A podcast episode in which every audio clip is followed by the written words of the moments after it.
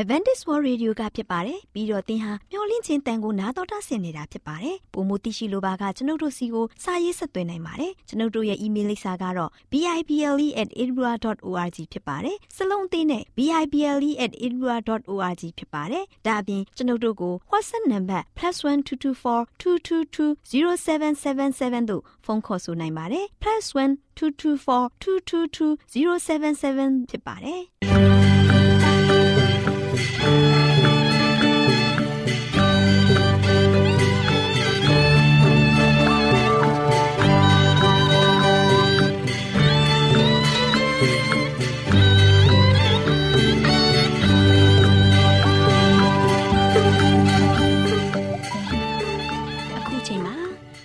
တော်ကိုမျော်လင့်သောတတ္တမနေ့အသင်းတော်ရဲ့ရေဒီယိုအစီအစဉ်ဖြစ်တဲ့ AWR မျော်လင့်ခြင်းအတန်လွင့်အစီအစဉ်ကိုစတင်တန်လွင့်မှာဖြစ်ပါတယ်ရှင်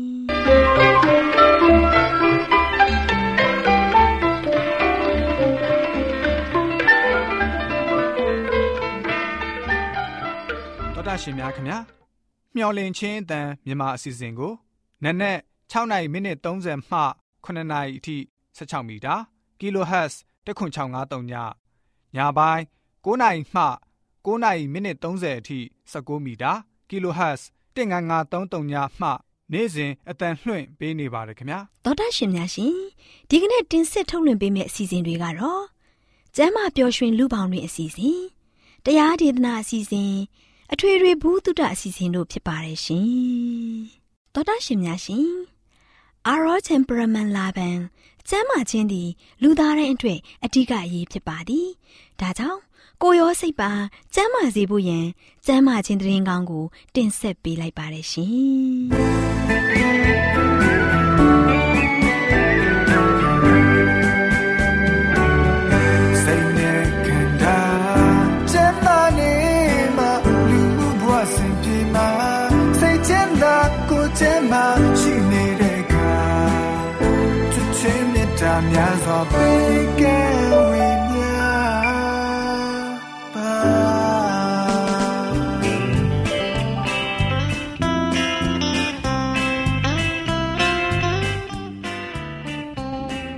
ရှင်မိတ်ဆွေများရှင်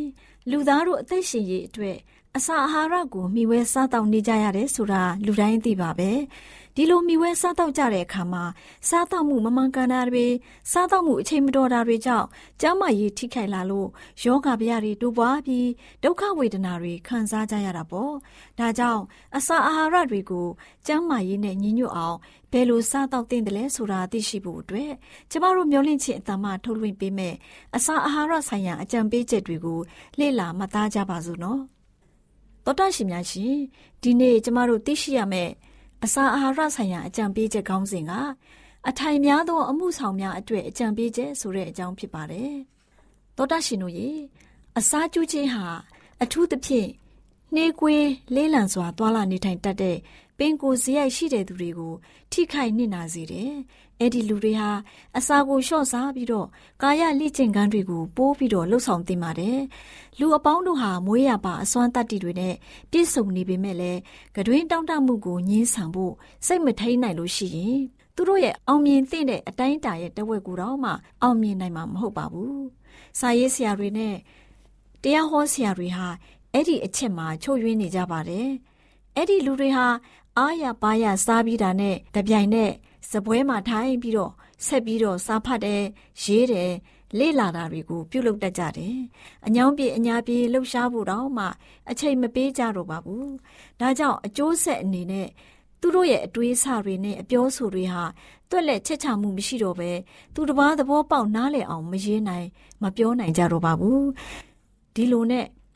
သူတို့ရဲ့လှုပ်ဆောင်မှုတွေဟာအောင်မြင်မှုနဲ့ကင်းလာပါတော့တယ်။ အရေးပါတဲ့တာဝန်တွေကိုထမ်းဆောင်ဖို့တာဝန်ရှိနေတဲ့သူတွေနဲ့ဝိညာဉ်ရေးကိစ္စတွေမှာတာဝန်ယူဆောင်ရွက်ရသူတွေဟာ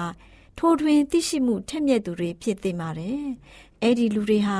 တခြားသူတွေထက်အစားအသောက်မှာချုပ်တီးခြင်းရှိသင့်ပါတယ်။အစီအစိမ့်နဲ့ပြည့်စုံတဲ့အထူးကမကြတဲ့အစာတွေကိုသူတို့ရဲ့ဇပွဲပေါ်မှာပြင်ဆင်မထားသင့်ပါဘူး။ ကြကြီးမားတဲ့တာဝန်တွေကိုထမ်းဆောင်နေရတဲ့သူတွေဟာအရေးပါတဲ့ရလဒ်တွေကိုဖြစ်ပေါ်စေတဲ့ဆုံးဖြတ်ချက်တွေကိုနေ့စဉ်နဲ့အမျှလုပ်ကြရပါတယ်။အဲ့ဒီအချိန်တိုတောတွင်းမှာ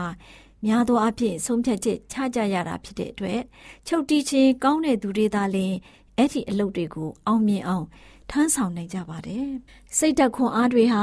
ကိုယ်စိတ်နှပါတကူတွေကိုမှန်ကန်တဲ့ထိမ့်သိမ်းစောင့်ရှောက်မှုအောက်မှာအားကောင်းနေတယ်။တကယ်လို့သာဝန်တော့ဝန်ပိုးများစွာမကြည့်ကြလို့ရှိရင်ခွန်အားတစ်တွေဟာအကျင့်အကြအသီးသီးကိုရင်ဆိုင်တိုင်းထွက်ပေါ်လာတတ်ပေမဲ့အရေးပါတဲ့စီမံကိန်းတွေကိုချမှတ်နေသူတွေနဲ့အရေးကြီးတဲ့ဆုံးဖြတ်ချက်တွေကိုချမှတ်နေသူတွေဟာမှားယွင်းတဲ့အစားအစာတွေကိုသုံးဆောင်မိခြင်းကြောင့်ထိခိုက်မှုတွေနဲ့ရင်ဆိုင်ရတတ်ပါတယ်။ပုံမှန်မဟုတ်တဲ့အစာအိမ်ကြောင့် ပုံမှန်မဟုတ်တဲ့မသေးကြတဲ့စိတ်ဓာတ်အခြေအနေတွေကိုဖြစ်ပေါ်စေတတ်တယ်။ဒါကြောင့်စိတ်ဆိုးမှန်ဆိုးဖြစ်တာတွေကြံကြံတန်တန်ပြောဆိုတာတွေတရားမျှတမှုကိမဲ့စွာလှုပ်ဆောင်တာတွေကျင့်သုံးလာတတ်ပါတယ်။ကမ္ဘာလောကအတွက်ကောင်းကျိုးပြုမဲ့စီမံကိန်းတွေကိုဘေးဖယ်ထားပြီးတော့တရားမျှတမှုမရှိတဲ့ဖိနှိပ်ရက်ဆက်တဲ့ရုပ်ရင်ကြမ်းတမ်းတဲ့အလုပ်တွေကိုလှုပ်ဆောင်လာကြတဲ့အခါမှာအကျိုးဆက်အနေနဲ့ယောဂဗျာတွေလည်းထူပြောလာတာဖြစ်တယ်။ ညာနာအလုပ်သမားဒါမှမဟုတ်ထိုင်ပြီးတော့အလုပ်လုပ်ရတဲ့ဝန်ထမ်းတွေအတွက်အကြံတစ်ခုပေးလိုပါတယ်။ရေစွမ်းတတ္တိနဲ့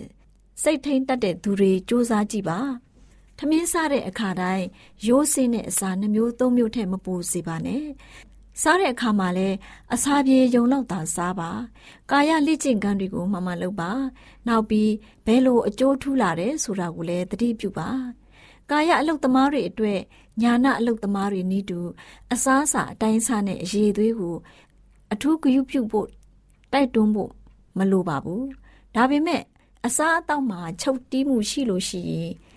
သူတို့ဟာပိုးပြီးတော့ကျမ်းမာရေးကောင်းလာမှသိကြတယ်။တချို့ကစားတော့ရမယ့်အစားအစာစည်းရင်းကိုတိတိကျကျဖော်ပြပေးစီလိုကြတယ်။အစားကျူးခဲ့ခြင်းအတွက်သူတို့တံဝေကရပြီးသူတို့စားတော့မိတဲ့အစားအစာတွေကိုသာ တစ်ချိန်လုံးစဉ်းစားနေတတ်တယ်။အမှန်မှအဲ့ဒါလို့မဖြစ်သင့်ပါဘူး။လူတဦးတယောက်အတွက်တခြားလူတဦးတယောက်ကအစားအစာစီးမြင်းတွေချက်မှတ်မပေးနိုင်ပါဘူး။လူအသီးသီးတို့ဟာစဉ်စဉ်ချင်းချင်းထိမ့်ထိမ့်သိမ့်သိမ့်နဲ့စီမင်းနေရမှာအတိုင်းလှုပ်ဆောင်တင်ပါတယ်ဆိုတဲ့အကြောင်းကိုအစာအာဟာရဆိုင်ရာအကြံပေးချက်ကဏ္ဍမှာကျန်းမာရေးအတွက်အကြံပေးတင်ပြလိုက်ပါရရှင်။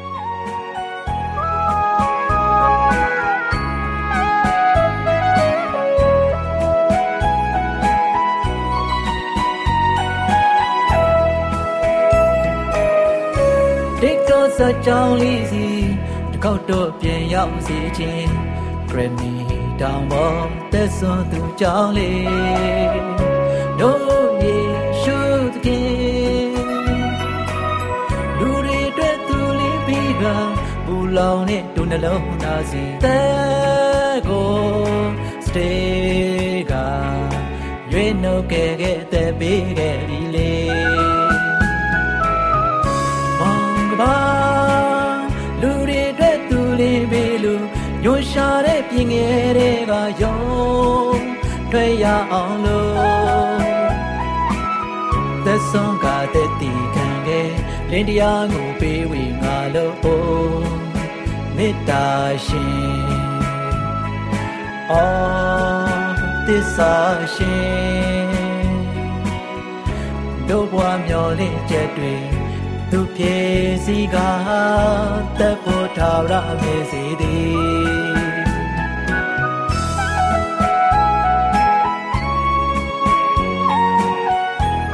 ဗုဒ္ဓရှင်များရှင်တရားဒေသနာတော်ကိုတိတ်ခါတော်ရဓမ္မဆရာဦးတင်မောင်ဆန်းမှဟောကြားဝင်ငါပေးมาဖြစ်ပါတယ်ရှင်။나တော်တာဆင်ရင်ခွန်အားယူကြပါစို့။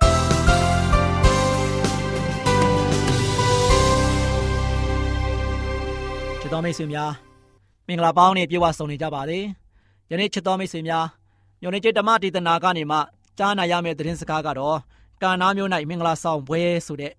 သတင်းစကားကိုကြားနာမှာဖြစ်ပါတယ်။ဘုရားသခင်ရဲ့တကိုးတော်ကိုပြတော်မူတဲ့ဒီကာနာမျိုးရဲ့မင်္ဂလာဆောင်ပွဲမှာဘာတွေဖြစ်ပျက်ခဲ့တယ်လဲဆိုတာကိုဆက်လက်ပြီးတော့မိတ်ဆွေတို့ကြားသိရမှာဖြစ်ပါတယ်။သခင်ယေရှုဒီကလောကကိုလာတဲ့အခါမှာဆိုလို့ရှိရင်လိုအပ်ချက်တွေကိုဖြည့်ဆည်းပေးတဲ့သူဖြစ်တာကိုလည်းတွေ့ရလိမ့်မယ်ဖြစ်ပါတယ်။ ရှင်ယောဟန်ခန်းကြီး1အငယ်1ကနေမှ7နှစ်မှာဒီအကြောင်းရာဇဝင်ကိုကျွန်တော်တို့တွေ့ရမှာဖြစ်ပါတယ်ဒါကြောင့်တမန်ကျမ်းစာထဲမှာပြန်လည်ပြီးတော့လေ့လာခြင်းနဲ့ဆိုရင်တော့ရှင်ယောဟန်ခရစ်ဝင်ခန်းကြီး1အငယ်1ကနေ7ကိုလေ့လာပါအဲ့ဒီပါလတိနတိုင်းပြည်မှာဆိုလို့ရှိရင်စပြစ်ပင်တွေမြောင်များစွာစိုက်ပျိုးကြတယ်အစာစားတိုင်းမှာလို့ရှိရင်ဝိုင်ကိုတောက်သေးလို့ရှိကြတယ်ကာနာမျိုးရဲ့မင်္ဂလာဆောင်ပွဲမှာလို့ရှိရင်သခင်ယေရှုဟာရေကားနေစပြည့်ရေဖြစ်စေတဲ့အံ့ဩဖွယ်နမိတ်လက္ခဏာကိုပြခဲ့တယ် အဲဒီအံ့ဩဖွယ်နမိတ်လက္ခဏာဟာဖျားသခင်ရဲ့ထံတော်မှာတကိုးဖြစ်တယ်အဲ့ဒီချက်ဟာလို့ရှိရင်ဖျားသခင်ရဲ့တကိုးတော်အော်နဲ့လူတွေပေါ်မှာလို့ရှိရင်ကြည့်ရှုမသာခြင်းကိုပြသတော်မူခဲ့တယ်ချစ်တော်မိတ်ဆွေသခင်ယေရှုကသူ့ရဲ့တကိုးနဲ့လှုပ်ခဲ့တာမဟုတ်ဘူးသူ့ရဲ့ခမဲတော်ဘုရားသခင်ရဲ့တကိုးတော်နဲ့အဲဒီရေကနေမှစပြည့်ရဖြစ်အောင်လုပ်ခဲ့တာဖြစ်တယ်။ဂါလိလဲပြည်ကာနာမြို့မှာဆိုရှင်မင်္ဂလာဆောင်ပွဲတစ်ခုကျင်းပါတယ်။ သခင်ယေရှုနဲ့သူ့ရဲ့တပည့်တော်တွေကလည်းဖိတ်ကြားခြင်းခံရတယ်။အဲဒီပွဲမှာဆိုရှင်သခင်ယေရှုရဲ့မေတော်လည်းရှိနေတယ်။မကြာခင်မှာပဲအခခံပွဲအဲကစပြည့်ရကုံသွားခဲ့တယ်။စပြည့်ရတွေကုံသွားပြီကွယ်လို့သခင်ယေရှုကိုမေတော်ကနေမှပြောတဲ့အခါမှာလို့ရှိရင်ကိုရံကဘာလုပ်ပေးရမယ်ဆိုတာပြောစရာမလိုဘူးနော်အမေကအကူညီလိုတဲ့ခါမှာအမြဲတမ်းကူညီခြင်းနဲ့သူဖြစ်တယ်အချိန်ကြောင်းတက်ခါမှာလို့ချင်းတစုံတစ်ခုကိုကျွန်တော်လုပ်ပါမယ်လို့ သခင်ယေရှုကသူ့မိခင်ကိုပြောတယ်ချစ်တော်မိတ်ဆွေမိခင်ကလည်းသားကအနားမှာရှိတဲ့အတွက်ကြောင့်သားကိုတပည့်ရွေကုံတော့မယ်တပည့်ရွေကုံတော့မယ်တပည့်ရွေကတော့မတော့ဘူးဆိုတာကိုသားကိုအရင်ပြောပြထားတယ်အဲ့ဒီခါမှာဆိုရှင်သခင်ယေရှုရဲ့မိခင်ကတော့ကိုတော်စိတ်ခိုင်းတဲ့အတိုင်းလုပ်ကြပါဆိုပြီးတော့အစိခံတွေကိုမှားချလိုက်တယ်။ဘာကြောင့်လဲသူ့သားအကြောင်းကိုအမေကကိုယ်တိုင်သိတယ်။သားကဘာလုပ်တတ်တယ်လဲ။သားမှဆိုလို့ရှိရင်ဖျားသခင်ဒီကနေမှ တကိုးတွေရရှိမယ်။ဖျားသခင်ရဲ့လိုတော်ကိုဆောင်ပြီးတော့ဖျားသခင်ကိုအမြဲတမ်းချစ်နေတဲ့သားဖြစ်တဲ့အတွက်ကြောင့်သားရဲ့လှုပ်စွမ်းနိုင်တဲ့စွမ်းရည်ကိုမေတော်ကသိတယ်။ဒါကြောင့်မေတော်သိတဲ့အတွက်ကြောင့်သားခိုင်းတဲ့အတိုင်းမှာလှုပ်ကြပါဆိုပြီးတော့သူ့ရဲ့အောင်းလက်ငယ်သားတွေကိုမှားချခြင်းဖြစ်ပါတယ်။အဲ့ဒီနေရာမှာလို့ရှိရင်အထူးအသုံးပြုဖို့ရန်အတွက်အလွန်ကြီးမားတဲ့အိုးကြီး6လုံးရှိတယ်။ဒီအိုးကြီးတွေကိုရေဖြည့်လိုက်ပါလို့အစေခံတွေကိုသခင်ယေရှုကပြောတယ်။အစေထွန်းခံတွေကလည်း အိုးနှုတ်ခမ်းဝအထိရေဖြည့်ကြတယ်။အဲ့ဒီအိုးတွေတဲကရေနဲနဲကိုခတ်ပြီးတော့ပွဲတော်အုပ်စီကိုယူသွားကြပါလို့သခင်ယေရှုကပြောလိုက်တယ်။သူတို့လည်းယူသွားကြတယ်ပွဲအောက်ကရေမစပြည့်ရေဖြစ်သွားတဲ့စပြည့်စပြည့်ရေကိုမြည်စမ်းကြည့်တယ်ပွဲအောက်ဟာလို့ရှိရင်ဒီတပြည့်ရလို့ရှိရင်ဘယ်ကလာတာလဲမသိဘူးရေခတ်ပေးတဲ့စေခံတွေကတော့သိကြတယ်ပွဲအောက်ကတော့မသိရှာဘူးပွဲအောက်ကလည်းမင်္ဂလာတို့သားတို့ခေါ်ပြီးတော့ နေရာတိုင်းမှာလူတွေဟာလို့ရှိရင်စပြည့်ရေကောင်းကောင်းနဲ့အရင်အခခံတတ်ကြတယ်ဧည့်သည်တွေအာပါတရတောက်ပြီးမှစပြည့်ရေအညံ့နဲ့အခခံကြတယ်ဒါပေမဲ့သင်ကတော့အကောင်းဆုံးတပြည့်ရေကိုယခုအထိသိမ်းထားနိုင်တယ်လို့မင်္ဂလာဆောင်သတို့သမီးနဲ့သတို့သားကိုချီးမွမ်းလိုက်တယ်။အဲဒီအံ့ဩပွေနမိတ်လက္ခဏာဟာသခင်ယေရှုပြုတော်မူတဲ့ပထမဆုံးအံ့ဩပွေနမိတ်လက္ခဏာဖြစ်တယ်။ဒီအကြောင်းအရာကားလို့ရှိရင်သခင်ယေရှုရဲ့ဘုန်းတော်ကိုထွန်းတောက်စေပြီးတော့ ကိုတော်ရဲ့တပည့်တော်များလည်းကိုတော်ကိုယုံကြည်လာကြတယ်ချစ်တော်မိတ်ဆွေ။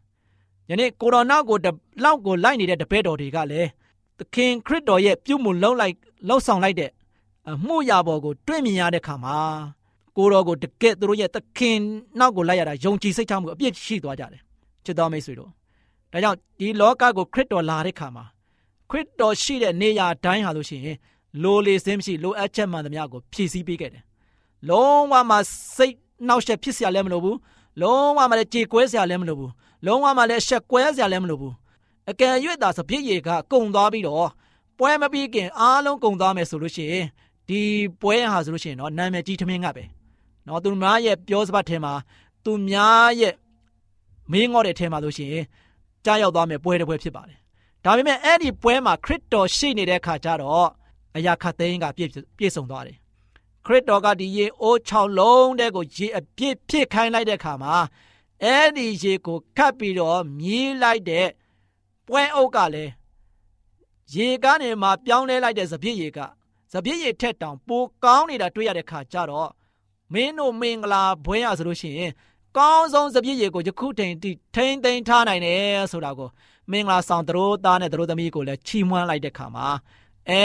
ဒီပွဲကနှစ်ထပ်ကွမ်းမင်္ဂလာနဲ့ပြည့်စုံသွားတာကိုတွေ့ရပါတယ်။ဒါကြောင့်ချစ်တော်မိတ်ဆွေတို့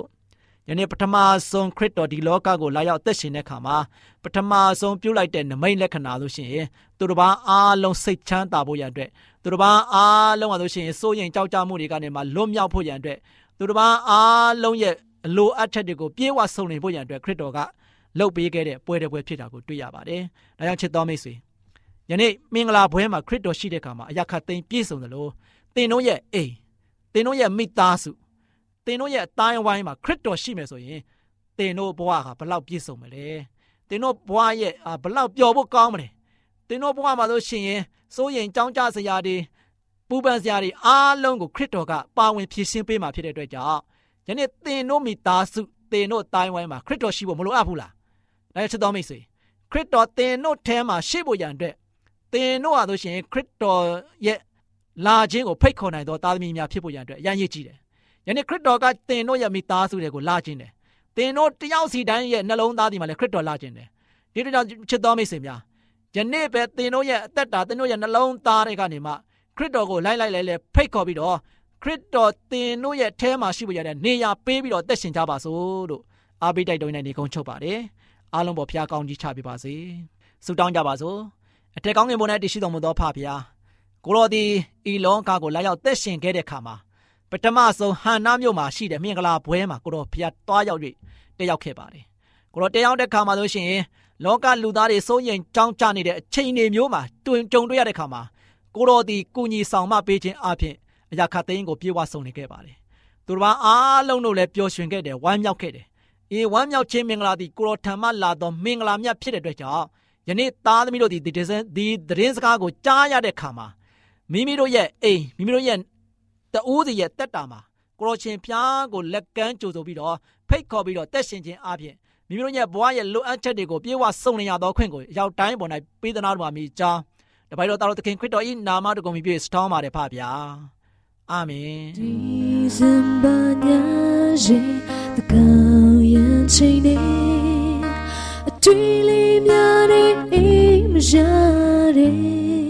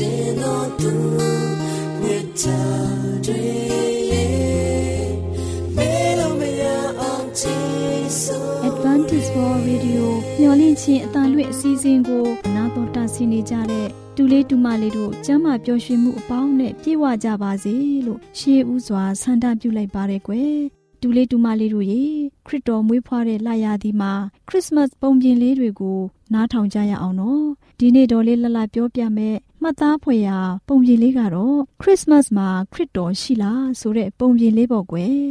တူလေးတူမလေးတို့ရေအင်ပတန်စီးပွားရေးကောင်းတဲ့မြို့ကြီးတစ်မြို့မှာမောင်ကောင်းဆိုတဲ့ခလေးလေးတယောက်ရှိတဲ့ကွယ် အဲ့ဒီမြို့ကြီးမှာရှိတဲ့လူတွေဟာစီးစိမ်ချမ်းသာကြွယ်ဝမှုကိုပဲဦးစားပေးပြီးဖရာတရားသိစိတ်မဝင်စားကြဘူးတဲ့ကွယ်။မောင်ကောင်းလေးတို့ရဲ့မိသားစုကတော့ဖရာကိုပဲအားကိုးတဲ့မိသားစုပေါ့။တညတော့မောင်ကောင်းရဲ့အဖေက မောင်ကောင်းလေးကိုအိတ်ခါနီးခရစ်တော်မွေးဖွားတဲ့အကြောင်းကိုပြောပြတဲ့ကွယ်မောင်ကောင်းလဲခရစ်တော်မွေးဖွားတဲ့အကြောင်းနားထောင်ပြီးနှစ်နှစ်ချိုက်ချိုက်အိပ်ပျော်သွားတဲ့ကွယ် မောင်ကောင်းလေးဟာအင်ကြီးအစ်စ်လဲဝတ်လိုက်တယ်အဝတ်အစားလဲပြီးခရစ်တော်မွေးနေ့ပွဲသွားမယ်ဆိုပြီးအိမ်အောက်ထပ်ကိုဆင်းလာတယ်နောက်ပြီးအိမ်အပြင်ထွက်လာတယ်ဘယ်သူမှမတွေ့ဘူးတဲ့ကွယ်သူ့အိမ်ရှိနားကစက်ယုံကအသံမြည်နေတာကြားတော့သွားကြည့်တယ်အလုတ်သမားတွေအလုတ်လုံနေတာတွေ့တော့ဦးကြီးတို့ဒီနေ့ခရစ်တော်မွေးနေ့လေဘာလို့အလုတ်လုံနေကြတာလဲလို့ပြောတဲ့ကွယ်ဒါနဲ့ဘာခရစ်တော်မွေးနေ့လဲ ငါတို့အလုတ်ရှုပ်နေရတဲ့အထဲခရစ်တော်မွေးနေ့အကြောင်းဂယုမဆိုင်အားသေးပါဘူးခလေးရဲ့နောက်မှပဲသွားတော့မယ်သွားသွားဆိုပြီးပြောလို့လိုက်တဲ့ကွယ်တူလေးတူမလေးတို့ရေမောင်ကောင်းလေးဟာမုတ်တွေအသီးအနှံတွေရောင်းဝယ်နေတဲ့နေရာရောက်သွားပြန်ရောလူတွေကိုခရစ်တော်မွေးနေ့မသွားကြဘူးလားဘာလို့ခရစ်တော်မွေးနေ့မှာအလုတ်လုံနေကြတာလဲလို့သွားပြောတော့လူကြီးတယောက်ကဘာခရစ်တော်မွေးနေ့လဲကွ ပြောပြပါအောင်လို့မေးတော့မောင်ကောင်းလေးကယေရှုဟာလောကမှာလာမွေးဖွားပြီး လောကသားတွေကိုအပြစ်ငရဲမှာကယ်တင်တယ်အဲ့ဒီလိုယေရှုမွေးနေ့ကြရောက်တဲ့နေ့ကိုခရစ်တော်မွေးနေ့လို့ခေါ်တယ်လို့ပြောပြတဲ့ကွယ်လူတွေကလည်းမကြားဘူးတော့နင့်ယေရှုဟာဘဲသူလဲဒီမှာလာမပြောနဲ့တခြားမှာသွားပြောဒီမှာအလုတ်တွေရှုပ်နေတယ်လို့ပြန်ပြောတဲ့တူလေးတူမလေးတို့ရေ မောင်ကောင်းလေးဟာ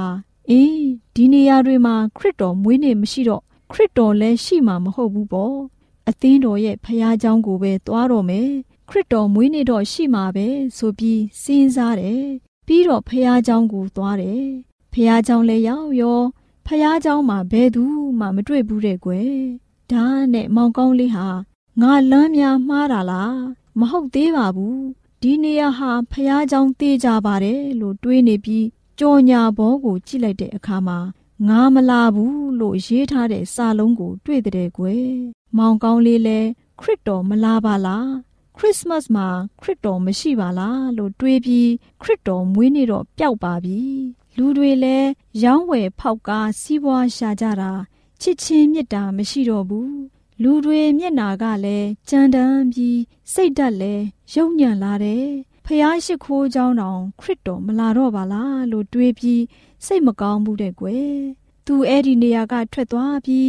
ဥပုပ်စားပြေเจ้าလေးစီသွားကြည့်အောင်မယ်လက်ဆောင်ဖလဲပွဲတွေပြုလုပ်နေပြီလားဘယ်သူတွေများရှိမလဲလို့တွေးပြီးသွားကြည့်တဲ့အခါကျောင်းမှာဘယ်သူမှမရှိတဲ့အပြင်ကျောင်းလေးဟာပြက်စီးပြီးပြင်ပြားတစ်ချက်မှာငါမလာဘူးလို့ရေးထားတာတွေ့ရပြန်ရောတဲ့ကွယ်မောင်ကောင်းကအော်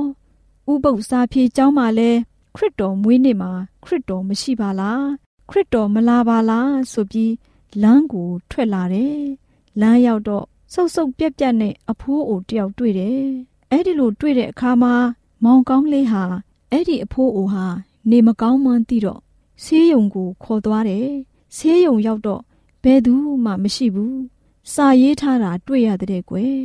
ဘာစာလဲဆိုတော့ငါမလာဘူးတဲ့လေ မောင်ကောင်းလဲစိတ်မကောင်းဖြစ်ပြီးအေးဆေးရုံမှာလဲခရစ်တော်မရှိပါလားဆိုပြီးဒီလူမမာကို အဖေအမေစီပဲခေါ်သွားတော့မယ်အိမ်ရောက်ရင်ကျန်းစာထဲမှာငါမလာဘူးဆိုတဲ့အချက်ကိုရှာမယ်မောင်ကောင်းလေးဟာအိမ်လဲရောက်ရော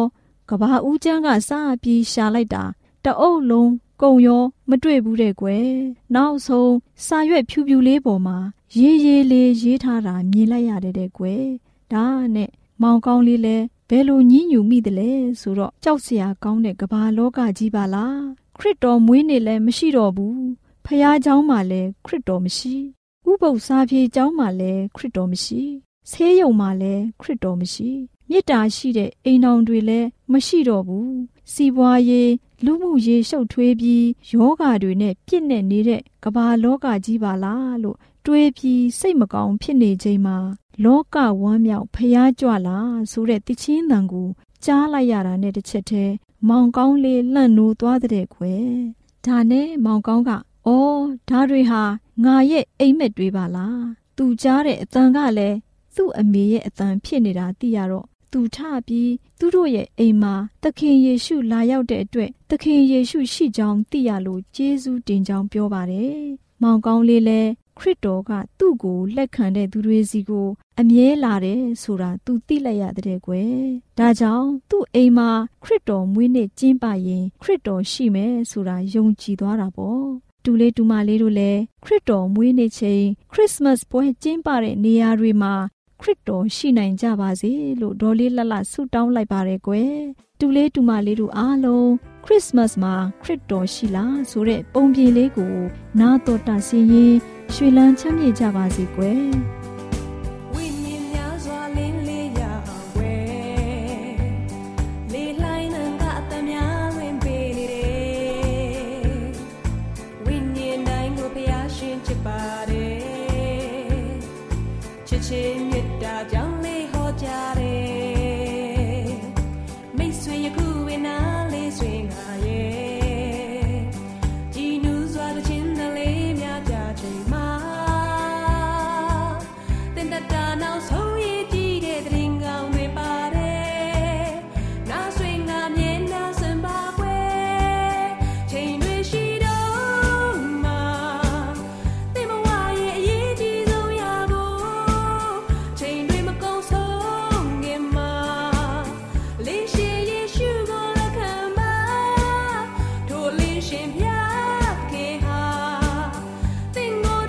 ရှင်များရှင်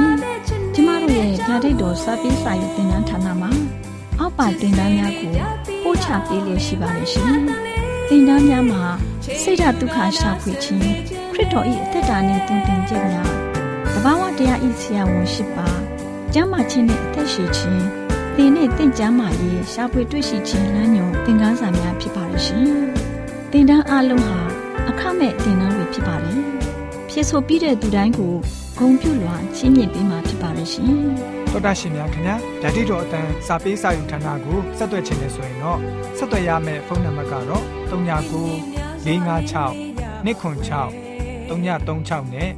39 698 316 694ကိုဆက်သွယ်နိုင်ပါတယ်ဓာတိတော်အတန်းစာပေးစာယူဌာနကိုအီးမေးလ်နဲ့ဆက်သွယ်ခြင်းနဲ့ဆိုရင်တော့ l a l r a w n g b a w l a @ gmail.com ကိုဆက်သွင်းနိုင်ပါတယ်။ဒါ့အပြင်တော့အတန်းစာပေးစာဥထာဏာကို Facebook နဲ့ဆက်သွယ်ခြင်းနဲ့ဆိုရင်တော့ SOESANDAR Facebook အကောင့်မှာဆက်သွင်းနိုင်ပါတယ်ဒေါက်တာရှင်များရှင်ညိုလင့်ချင်းတန်ရေဒီယိုအစီအစဉ်မှာတင်ဆက်ပေးနေတဲ့အကြောင်းအရာတွေကိုပိုမိုသိရှိလိုပါကဆက်သွယ်ရမယ့်ဖုန်းနံပါတ်များကတော့39 663 986 126 ဖြစ်ပါတယ်ရှင်။နောက်ထပ်ဖုန်းတစ်လုံးနေနဲ့39 96 988 9669တို့ဆက်သွယ်မြင်းမြန်းနိုင်ပါတယ်ရှင်။တော်တာရှင်များရှင် KSTA အာကခွန်ကျွန်းမှာ AWR မျိုးလင့်ချင်းအတံမြန်မာအစီအစဉ်များကိုအတံလွှင့်ခဲ့ခြင်းဖြစ်ပါတယ်ရှင်။။ AWR မျော်လင့်ခြင်းအတန်ကိုနာတော်တာဆင် gay ကြတော့တောတာရှင်အရောက်တိုင်းပေါ်မှာဖျားသခင်ရဲ့ကြွယ်ဝစွာသောကောင်းကြီးမင်္ဂလာတက်ရောက်ပါစေ။ကိုယ်စိတ်နှဖျားစမ်းမွှင်လန်းကြပါစေ။ ကျေးဇူးတင်ပါတယ်ခင်ဗျာ။